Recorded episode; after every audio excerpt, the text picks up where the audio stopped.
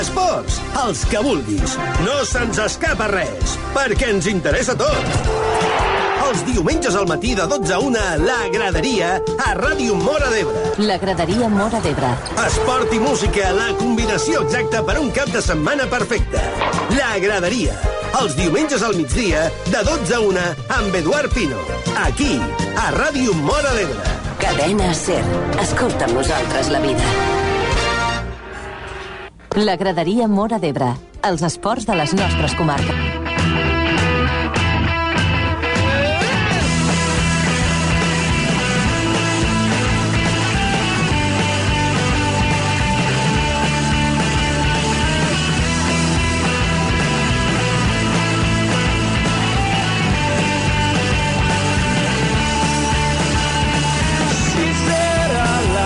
Hola, què tal? Molt bon dia, benvinguts a la graderia. Estem escoltant Ràdio Mora d'Ebre, la cadena SER.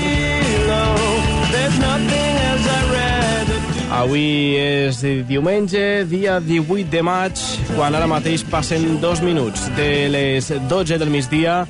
Arriba el magazín esportiu dels diumenges al migdia aquí a la ràdio de Mora d'Ebre, al 87.6 de la FM. Recordin que també es poden escoltar a través d'internet, a través de la nostra pàgina web, www.radiomoradebre.cat. Ara feia un parell de setmanes pràcticament en què no ens veiem, eh? O més ben dit, que no ens escoltàvem. Fa dues setmanes estava a Brighton, a casa Bruno, impossible per a fer a graderia, i la setmana passada, doncs, que va ser eh, el moment per a poder escoltar el programa de, de Bruno.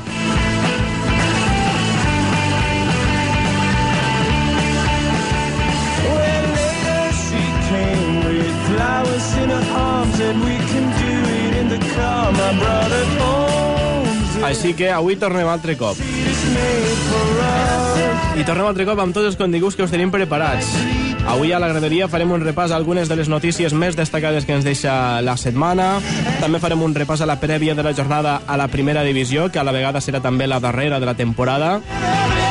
Els partits que s'han de jugar, òbviament, avui diumenge.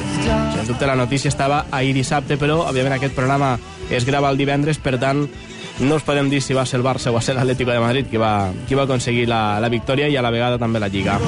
I a la zona divisió també hi ha partits aquesta, aquesta setmana, aquest diumenge, i també el repassarem després. També, òbviament, parlarem del futbol de casa nostra, amb tots els partits que ens esperen per aquest diumenge. Estem arribant ja a la part final de la Lliga i la emoció és total i absoluta, amb moltes coses que estan obertes, molts equips que s'hi juguen tota la temporada en aquestes darreres jornades, ho explicarem després. I acabarem el nostre programa amb la llave de Petón, aquesta secció que tant triomfa a la part final del nostre programa. Una llave de Petón que avui ens porta, com sempre, més històries futbolístiques. Així que som-hi, arrenquem com sempre amb la graderia, amb el que ha estat el número 1 de la setmana a la llista dels 40 principals. El tema de Chains és el que escoltarem a continuació, el número 1 de la llista dels 40 aquesta setmana, que en podem gaudir aquí a la graderia.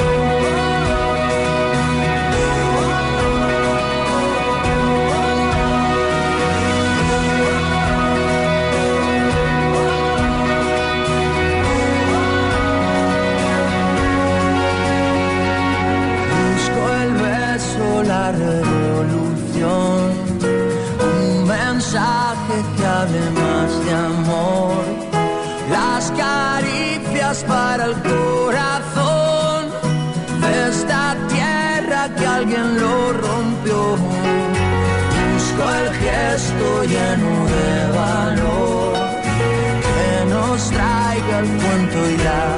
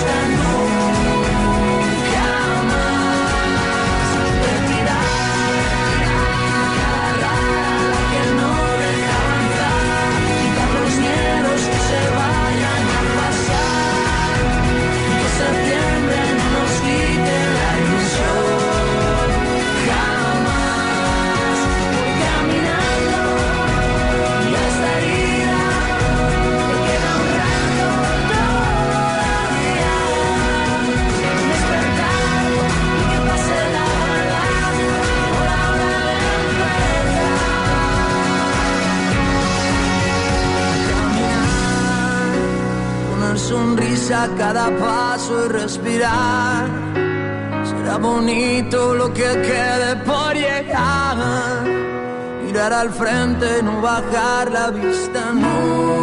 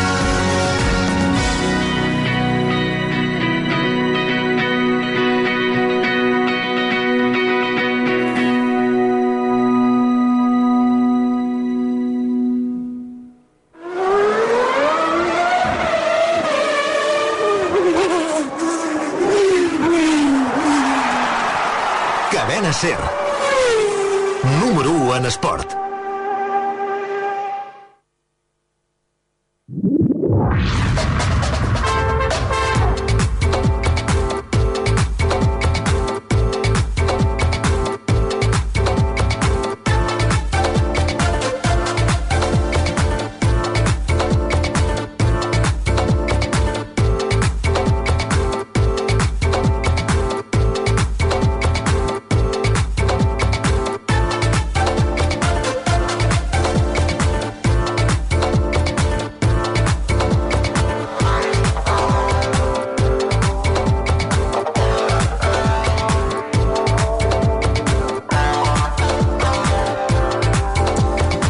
Doncs i seguim avançant amb la graderia. És moment d'encetar l'apartat de les notícies més destacades que ens deixa aquesta setmana, algunes d'elles, òbviament, però no ens podem deixar la més important.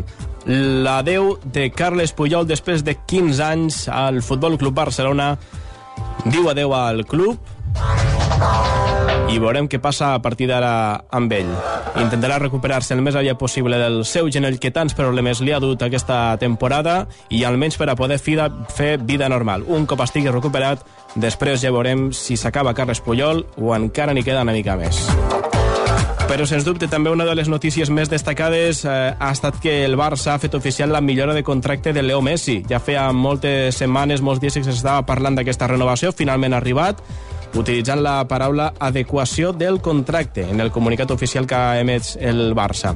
La signatura de la millora de contracte serà en els propers dies. El proper pas del Barça serà ara presentar la renovació a Gerard Piqué. Durant les últimes setmanes s'havien intensificat les negociacions per a renovar, com dèiem, a Leo Messi amb el debat centrar en set o vuit conceptes. Petites diferències que no han evitat l'acord entre les dues parts, així que properament Leo Messi firmarà la renovació amb el Barça. Una altra de les notícies és que la veritat de la final de setmana va ser força mogut. A part de la renovació de Leo Messi, es va anunciar també que Javier Aguirre no seguirà com a tècnic de l'Espanyol la temporada vinent. L'entrenador i el president de l'Espanyol, Joan Collet, van oficialitzar l'adeu en una roda de premsa celebrada el passat divendres i on va dir que li donava les gràcies a Aguirre i li desitjava tota la sort del món, va dir, com dèiem, el president de l'Espanyol, Joan Collet. Aguirre va explicar que, eh, en paraules seues, hem decidit posar el punt i final a aquesta etapa, és la millor decisió possible, agraeixo a tots els estaments del club el seu suport i dono les gràcies a l'afició que ens ha ajudat molt. L'entrenador ha afegit que vol guanyar els dos partits que queden de Lliga per acabar de la millor manera possible la seva etapa a l'Espanyol.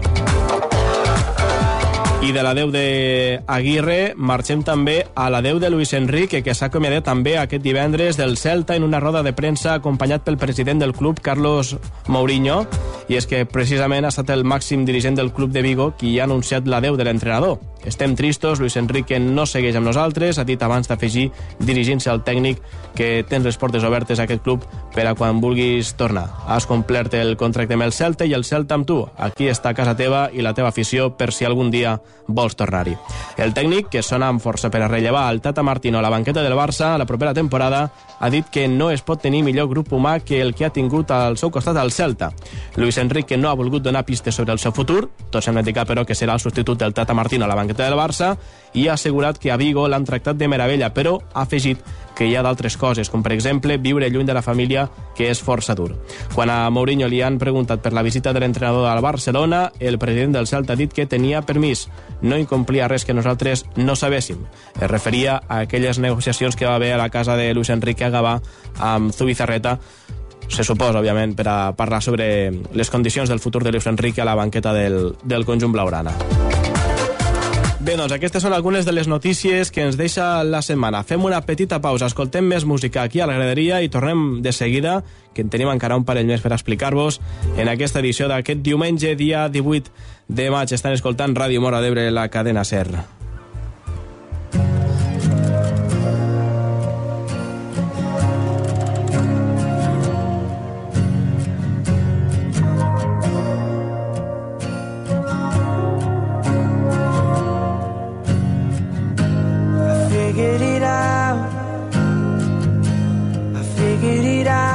Black and white. Seconds and hours. Maybe they had to take some time. I know how it goes. I know how it goes for wrong and right. Silence and sound. Did they ever hold each other tight? like us? Did they ever fight like us?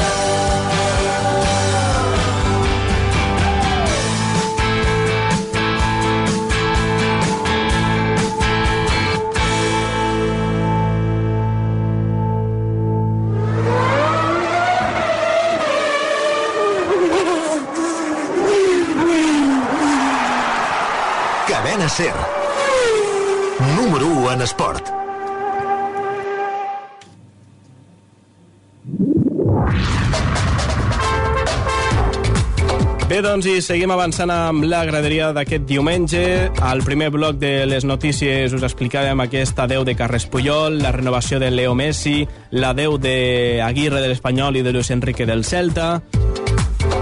I ara, en aquest segon bloc, una mica més reduït, hem de parlar, per exemple, de notícies que venen relacionades amb la selecció espanyola de cara al Mundial, i és que el Bayern de Múnich ha informat aquest dijous de la nova lesió del genoll que pateix Thiago Alcántara, que es perdrà així tant la final de la Copa d'Alemanya, que, que va disputar ahir el Bayern, com també el Mundial del Brasil amb la selecció espanyola. No va poder jugar al Mundial anterior amb Espanya, es perdrà també aquest segon Mundial Thiago Alcántara, una gran baixa per a l'equip de Vicente del Bosque.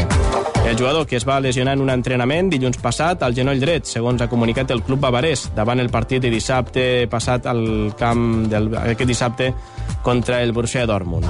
És molt dur per a Thiago, apuntat el president del club, Karl-Heinz Rummenigge.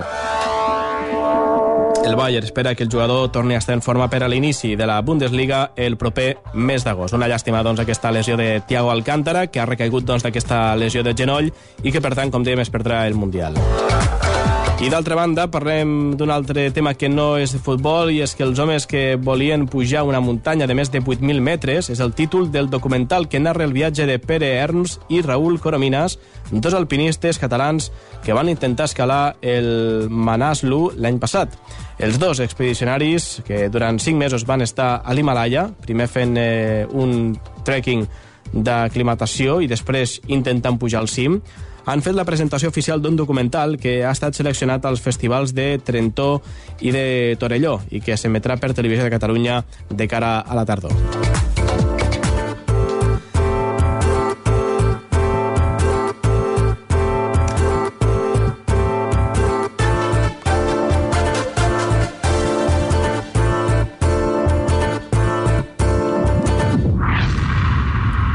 Bé, doncs, fins aquí el repàs de les notícies més destacades. Tanquem, doncs, el bloc del noticiari de la graderia, fem una petita pausa i tornem de seguida ja amb el que ens espera per aquest cap de setmana, per aquest diumenge, a la primera i a la segona divisió. Ahir ja es van disputar alguns partits, però avui també s'hi decideixen moltes coses, sobretot la part baixa de la classificació, quins seran els equips que baixaran de categoria i acompanyaran el Betis a la segona divisió espanyola l'any que ve.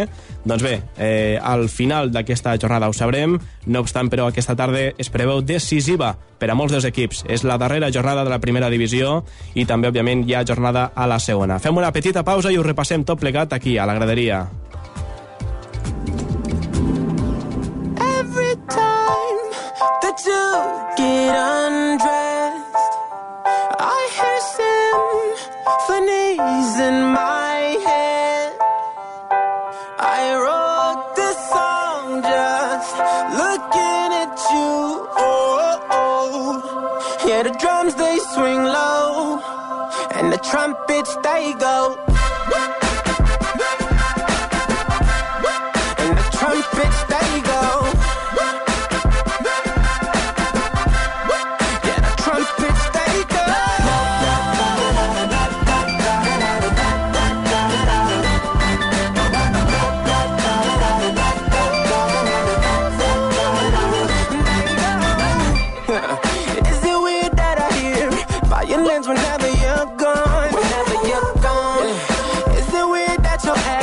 remind me of a Kanye West song? Kanye West song.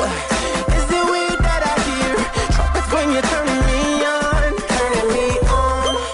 Is it weird that your bra remind me of a Katy Perry song? Every time that you get undressed.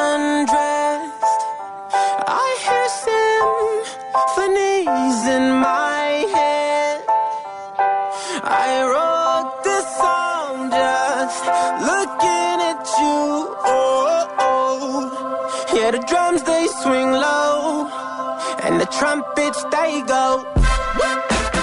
And they play for you, girl. And the trumpets they go.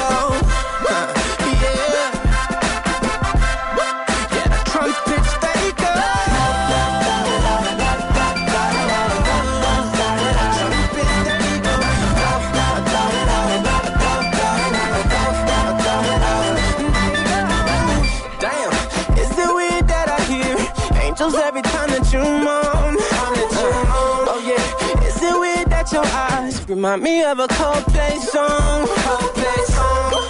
Is it weird that I hear trumpets when you're turning me on? Is it weird that your bra remind me of a Katy Perry song?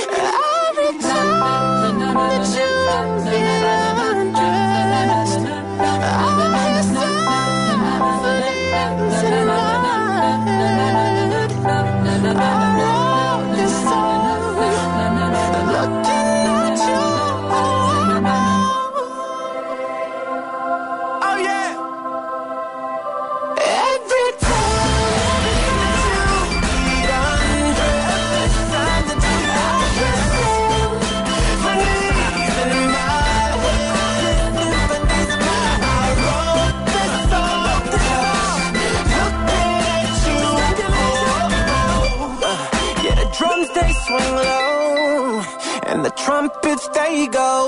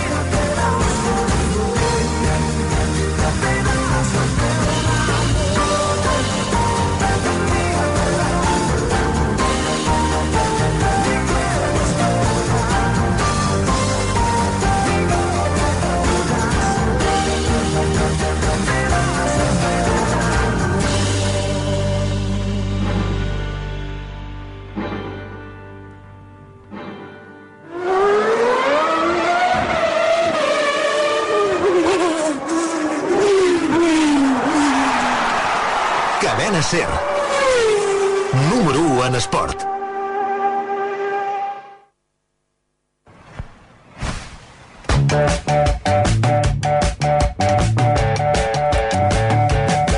doncs, i seguim avançant amb la graderia d'aquest diumenge, dia 18 de maig. Com dèiem, abans d'anar a la publicitat, és moment de fer un repàs a l'agenda. I farem una agenda total, és a dir, farem un repàs als partits de la primera i segona divisió espanyola que s'han de disputar per avui diumenge, però també a la vegada aprofitarem per a fer un repàs a l'agenda del futbol de casa nostra, de tots aquells partits que s'han de disputar també al llarg d'aquest eh, diumenge. Així que som-hi, comencem ja pel futbol professional, comencem per la primera divisió espanyola. Ahir dissabte ja es van disputar alguns partits, entre ells decisius per al títol de Lliga, però avui es disputa la part baixa de la classificació. Ahir va quedar ja resolta la part de dalt, és a dir, el campió d'aquesta edició de la Lliga de, Cam- de la Lliga Espanyola, de la temporada 2013-2014, però avui se decidirà qui, juntament amb el Betis, se'n va l'any que ve a la segona divisió espanyola, a la, a la Liga Adelante. Bé, tenim diferents partits. Des de les 12 del migdia, que ja va el partit entre la Real Societat i el Villarreal. De cara a la tarda tenim partits importantíssims. Se'n juguen quatre que s'enfronten entre ells, rivals directes, per evitar el descens, excepte el Rayo Vallecano. Per exemple, a les 6 de la tarda tenim el Rayo Getafe. El Getafe sí que s'hi juga. Almeria Atlètic de Bilbao, també s'hi juga l'Almeria. Aquest partit el podran veure per 4 aquesta tarda, a les 6. Tenim el Valladolid Granada, tots dos s'hi juguen. També l'Osasuna Betis, el Betis ja equip de segona divisió, però sí que s'hi juga la vida l'Osasuna. I per acabar, tanca la jornada número 38 a la primera divisió el Sevilla-Elx a les 9 de la nit. Un Sevilla que veurem com afronta aquest partit després de les celebracions de la guanyada Europa League a Turí davant del Benfica a la tanda de penals aquest passat eh, dimecres. Això en quant a, les, eh, a la primera divisió. Anem ja cap a la segona, on també tenim diferents partits. La majoria es van jugar ahir dissabte, però avui també se'n juguen. A les 12 del migdia ha començat el Deportivo Eibar. déu nhi quin gran partit. A les 6 i quart de la tarda, Lugo a la Bes. A les 8, Recreativo de Huelva Girona i Real Madrid Castilla Las Palmas. I a les 9 i quart de la nit, el Ponferradina Numància, que tanca aquesta jornada número 39 a la segona divisió. Una segona divisió a la que encara li restaran tres jornades per a concloure la temporada una segona divisió que ja ho saben està molt però que molt apretada, molt igualada amb molts equips implicats per evitar la, el descens i també molts equips implicats per a ocupar zona de play-off d'ascens a primera divisió la propera temporada. Bé, doncs això pel, pel que fa al futbol professional, a la primera i la segona divisió espanyola. Però també tenim més eh, coses al futbol de casa nostra. És a dir, que seguim avançant. Seguim avançant amb el programa d'aquest eh, d'aquest diumenge. Fem una petita pausa per escoltar una mica més de música i de seguida hi tornem amb tota l'agenda esportiva al futbol de casa nostra per avui diumenge.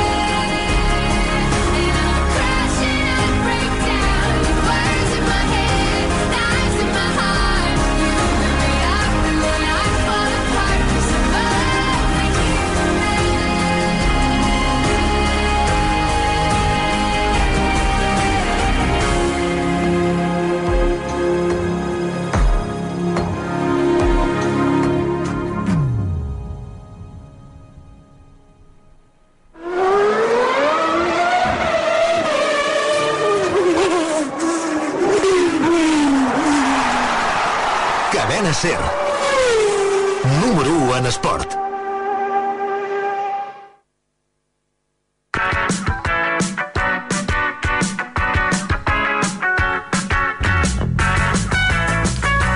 Bé, doncs, i seguim avançant amb la graderia d'aquest diumenge. És moment de fer un repàs a la jornada esportiva per aquest diumenge al futbol de casa nostra. Hem de començar per la segona catalana. Recordin que la tercera divisió ja, ja va finalitzar la setmana passada, on l'Escó va aconseguir la victòria, això sí, contra la Gramenet Milan, el QE de la Lliga, per la mínima 1 a 0, però això no li ha servit per a classificar-se al final per al playoff d'ascens. Se li ha escapat en les darreres jornades, pràcticament ha estat tota la competició en zona de playoff d'ascens i en les darreres jornades va sortir-ne i no ha pogut recuperar aquestes posicions de privilegi. Finalment l'Escó, com dèiem, queda fora en sisena posició i s'ha quedat a tan sols un punt d'aquesta apreciada plaça que hagués significat doncs, allargar una mica més aquesta temporada. Bé, doncs, en quant a la tercera divisió, res més en aquest sentit, però sí que cal destacar, per exemple, els encreuaments del playoff d'ascens a segona divisió B, que són entre el Lizarra i el Cornellà, Terrassa, Linares Deportivo, Paterna Montanyesa i Europa contra el Mutilvera. Aquí hagués pogut estar també l'Escó. I d'altra banda, destacar que també se disputen ja els encreuaments del playoff d'ascens a segona divisió A, a la segona divisió espanyola, on tenim el Llagostera que se les veurà contra el Racing de Santander, l'Hospitalet contra el Cádiz, el Nàstic de Tarragona contra el Racing de Ferrol i el Lleida Esportiu contra el Toledo. Deixant ja els encreuaments de playoff d'ascens, anem ja de ple cap al futbol territorial. Comencem per la segona catalana. En principi, cap problema per al Gandesa, un Gandesa que, bé, doncs ja ho té tot fet des de fa força jornades, no té possibilitats d'assolir llocs d'ascens, tampoc de promoció, però tampoc es complica la vida en aquesta part final per a lluitar per la permanència. Per tant, a que acaba de passin aquests partits d'aquesta temporada i a descansar. És el que li toca al conjunt de la Terra Alta al Gandesa, que aquesta setmana es desplaça al camp de l'Ampolla, un partit que es juga aquesta tarda a les 5 de la tarda. Ampolla, Gandesa, un Gandesa que com a molt opta a ocupar la cinquena plaça, és el petit al·licient que tenen el conjunt d'Enric Aleixandri en aquest tram final de Lliga. Cal destacar que Enric Aleixandri, a més a més, aquesta setmana ja va comunicar a la Junta Directiva del Gandesa que no continuaria la propera temporada. Se li va oferir la renovació des de l'entitat, no ha preferit, ha preferit no continuar Enric Aleixandri, que d'aquesta manera posa final a la seva etapa de 4 anys al Gandesa. Per tant, Gandesa busca nou entrenador de cara a la propera temporada per a fer front a la segona catalana. A part de l'Ampolla Gandesa tenim més partits en aquesta segona catalana grup 6è, jornada ja número 32, com dèiem en falten 3 per a acabar la Lliga. Aquesta és la tercera, en faltaran dos més per acabar. Recordin que la Lliga al futbol de casa nostra s'acaba el diumenge dia 1 de juny. També jugaran aquesta setmana el Perelló la Redis, una Redis que precisament la setmana passada va guanyar el camp del Gandesa i es va proclamar campiona de Lliga, i visita el camp de la Vinyeta, el camp del Perelló, un Perelló que està ara mateix en zona de descens, però té la permanència molt a prop, per tant, intentarà rascar el que sigui contra el campió per a seguir lluitant en aquestes últimes jornades de Lliga. També es jugarà el Valls Remolins Vítem, Roda de Barà la Cava, eh, a més a més de la Canonja Jesús Catalònia i el Tortosa Vilaseca. Ahir també es van disputar alguns partits. Deixem la segona catalana, anem ja cap a la tercera. A la tercera, grup primer, jornada número 32. Eh, tenim partits molt importants, molt interessants, també en tenim d'altres que ja són intrascendents, com per exemple el Vilalba, la Sènia. Tots els equips ja amb la feina feta, el Vilalba malauradament no l'ha pogut complir del tot, ja que juntament amb el Remolins Vitem són dos dels equips que baixen de categoria, la resta encara estan per a decidir en les properes jornades. Vilalba la setmana passada, al perdre contra el Batea, ja va ser matemàticament equip de quarta catalana la propera temporada i juga a casa aquesta tarda a les 5 contra la Sènia, que té 42 punts. Eh, matemàticament encara no està salvat, però sí ho està virtualment. També tenim un altre partit molt interessant i molt important, sobretot per al Batea, un Batea que està fent una temporada excepcional i que ocupa la segona posició. Per tant, zona de promoció d'ascens a segona catalana. déu nhi un equip que acaba de pujar de categoria aquesta mateixa campanya. Doncs bé, se les veurà contra l'Aldeana a l'Estadi la Unió a les 5 i mitja de la tarda. Una victòria del Batea li donaria encara opcions de lluitar per aquesta segona plaça de promoció a falta de dues jornades per acabar. També cal, val a dir que té un rival complicat al davant, com és l'Aldeana, però també tindrà paral·lelament un rival molt complicat, com és el del Tebre, que també té 60 punts, però pel gol a veraix ocupa la tercera posició i de moment queda fora. Un del Tebre que, per cert, juga també aquesta tarda a les 6 a casa contra el Camarles, ja campió de Lliga des de fa jornades. A part, també jugarà un partit superimportant, partit transcendental de Lliga, com és tota una final. A la Ventonella, a més a més, derbi de la Ribera d'Ebre, derbi apassionant, Flix Olímpic de Mora d'Ebre, un partit que es juga aquesta tarda a les 6 i mitja. Un Olímpic de Mora d'Ebre que les seves opcions de permanència passen per a guanyar a la Ventonella aquesta tarda, el Flix que ho té tot fet, no ha entrat al final en les posicions privilegiades de la Lliga, ho ha buscat per segona temporada consecutiva, però no ha aconseguit, s'ha quedat força lluny, i veurem què passa. Ve de perdre la setmana passada al camp del Mora la Nova, veurem què passa contra l'Olímpic de Mora d'Ebre aquesta setmana en aquest duel totalment importantíssim, sobretot per a l'Olímpic de Mora d'Ebre, que s'hi juga moltíssim.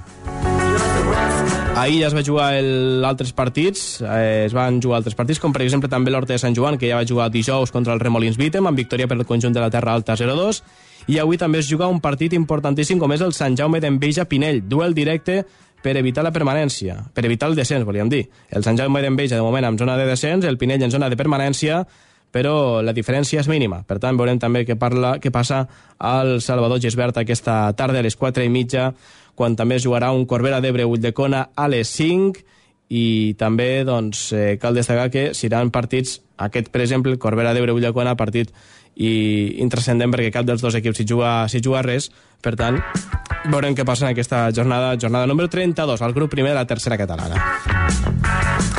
I quan al grup segon, doncs, cal destacar que el falset esportiu, que porta una ratxa excepcional, s'enfronta aquesta nit, o més ben dit aquest vespre, a les 8, a casa contra l'Hospitalet de l'Infant, que ara mateix l'Hospitalet de l'Infant seria l'equip que pujaria de categoria, ja que el líder, tot i que és el Vilaseca B, no podria pujar perquè el Vilaseca, el primer equip, està a la zona catalana, per tant no podrien coincidir A i B a la mateixa categoria, per tant, significaria que el segon classificat seria el que pujaria, una segona plaça que ocupa de moment l'Hospitalet de l'Infant, que té un desplaçament complicat eh, avui al vespre a les 8 al municipal de Falset. El Falset Esportiu Hospitalet també és un gran partit aquesta, aquesta tarda. També jugaran al grup segon de la tercera catalana més partits avui diumenge, com el Salou Escola La Pastoreta, el Racing Club de Futbol Bonavista contra la Unió Astorga, Camp Clar Alcobé i Mas Pellicer les Borges del Camp. I ja per acabar, anem al grup 20 de la quarta catalana. Per avui diumenge queden pocs partits perquè la majoria ja es va disputar ahir dissabte. Per exemple, avui a la una del migdia es juga l'Ebre Escola Camp Redó i a les 5 de la tarda l'Escove rep a casa al Godall, el campió d'aquesta lliga i a més a més que ha aconseguit el rècord d'imbatibilitat aquesta temporada a Catalunya. Ahir dissabte ja es van disputar la resta de partits. Per tant, res més a comentar del futbol de casa nostra. Aquesta és l'agenda per avui diumenge. L'heu pogut repassar aquí a la graderia. Fem una petita pausa i encetem ja la part final del nostre programa. De seguida arriba la llave de petón aquí, a la graderia, per a posar ja el punt i final al programa d'aquest diumenge 18 de maig. Estan escoltant Ràdio Mora d'Ebre, la cadena SER. Put your flags up in the sky, put them in the sky. And side to side, side to side.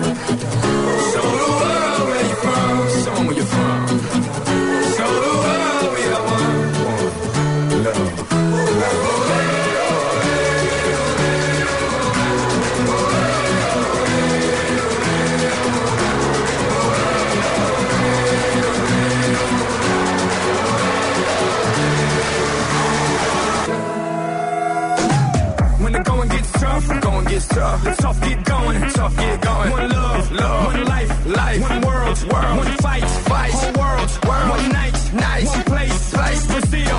Everybody put your flags in the sky and do what you feel. It's your world, my world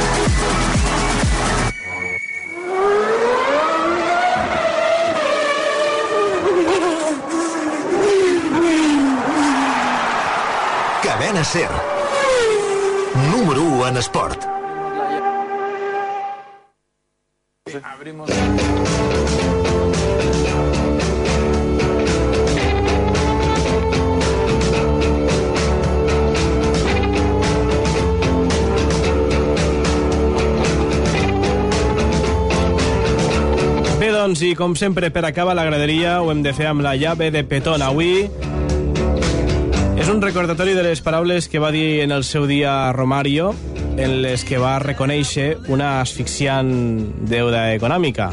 José Antonio Martín Petón avui dibuixa un viatge pels futbolistes que ho van tenir tot, però que ho van perdre tot. Ho escoltem. Abrimos la llave eh, con la llave el vestuario y vemos ese rincón donde están eh, los restos, eh, las botas viejas de aquellos futbolistas. Tan solo hace un año y medio, Romario estaba jugando al fútbol. Tan solo hace un año y medio. Y en un, año- y medio está en la portada de los periódicos porque está en la ruina. Él mismo lo dice. Eh, ¿Fue el primero en ser definido como futbolista de dibujos animados? No. Fue mucho antes que él Orestes Corbata, un extremo maravilloso de Racing de Avellaneda que jugaba en la selección argentina de los caras sucias, que murió abandonado de todo el mundo, menos del utillero de su club, que le dejaba en la parte de atrás del vestuario dormir en un cuarto donde un día lo encontraron fallecido. Murió en el campo donde había sido estrella Orestes Corbata. Hoy, junto a la calle Mozart, hace esquina en el cilindro del Racing de Avellaneda la calle Orestes Corbata. También en un rincón del campo de mm, Botafogo murió el gran Manuel dos Santos Garrincha. Cuando estaba presa del delirium tremens agonizando, llamaba a su amigo Nilton Santos, capitán, capitán, llévame a entrenar, capitán, capitán, llévame a entrenar. No le pudieron llevar más que al Campo Santo, donde de cuando en cuando alguien va a quitar las matas que hay sobre su tumba. Y un chico al que conoció Josep Pedrerol, que se llamaba Canito, que fue una estrella en el español y jugador del Fútbol Club Barcelona, con un gesto que siempre se recordará un partido contra Atleti de Bilbao, calentando en la banda del Camp Nou para salir al campo y vio cuando quedaban 10 minutos que su equipo del alma, el español, había marcado en Alicante y con ese gol se salvaba y con la camiseta del Barça levantó los brazos al cielo y lo celebró. Aquel día le echaron del Barça, pero él no le dio importancia, tenía dinero, paseaba con su perro gran danés, dos, eh, un gran danés y un afgano, con unas correas de 40 metros, su sombrero borsalino y su, y su abrigo de astracán. Solo 10 años después, murió en un banco, víctima de la droga, del abandono. Solo una hermana suya le daba pan y agua, le recogía y le atendía en los momentos de recaída. Eso está en la historia del fútbol. Lo han tenido todo menos la inteligencia suficiente como para saber que se acaba.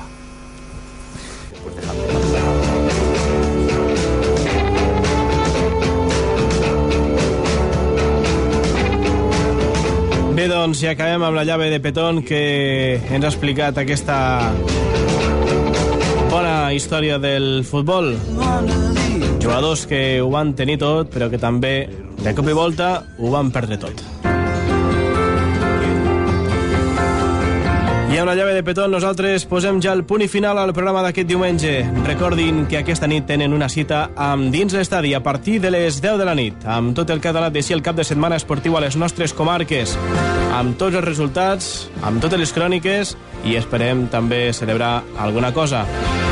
deixem aquí. Gràcies, com sempre. No s'ho perdin el programa d'aquesta nit dins Estadi. Nosaltres tornem el proper diumenge a les 12, aquí, a la sintonia de Ràdio Mora d'Ebre, a la cadena SER. Que acabin de passar un bon de setmana. Adéu-siau. guantes,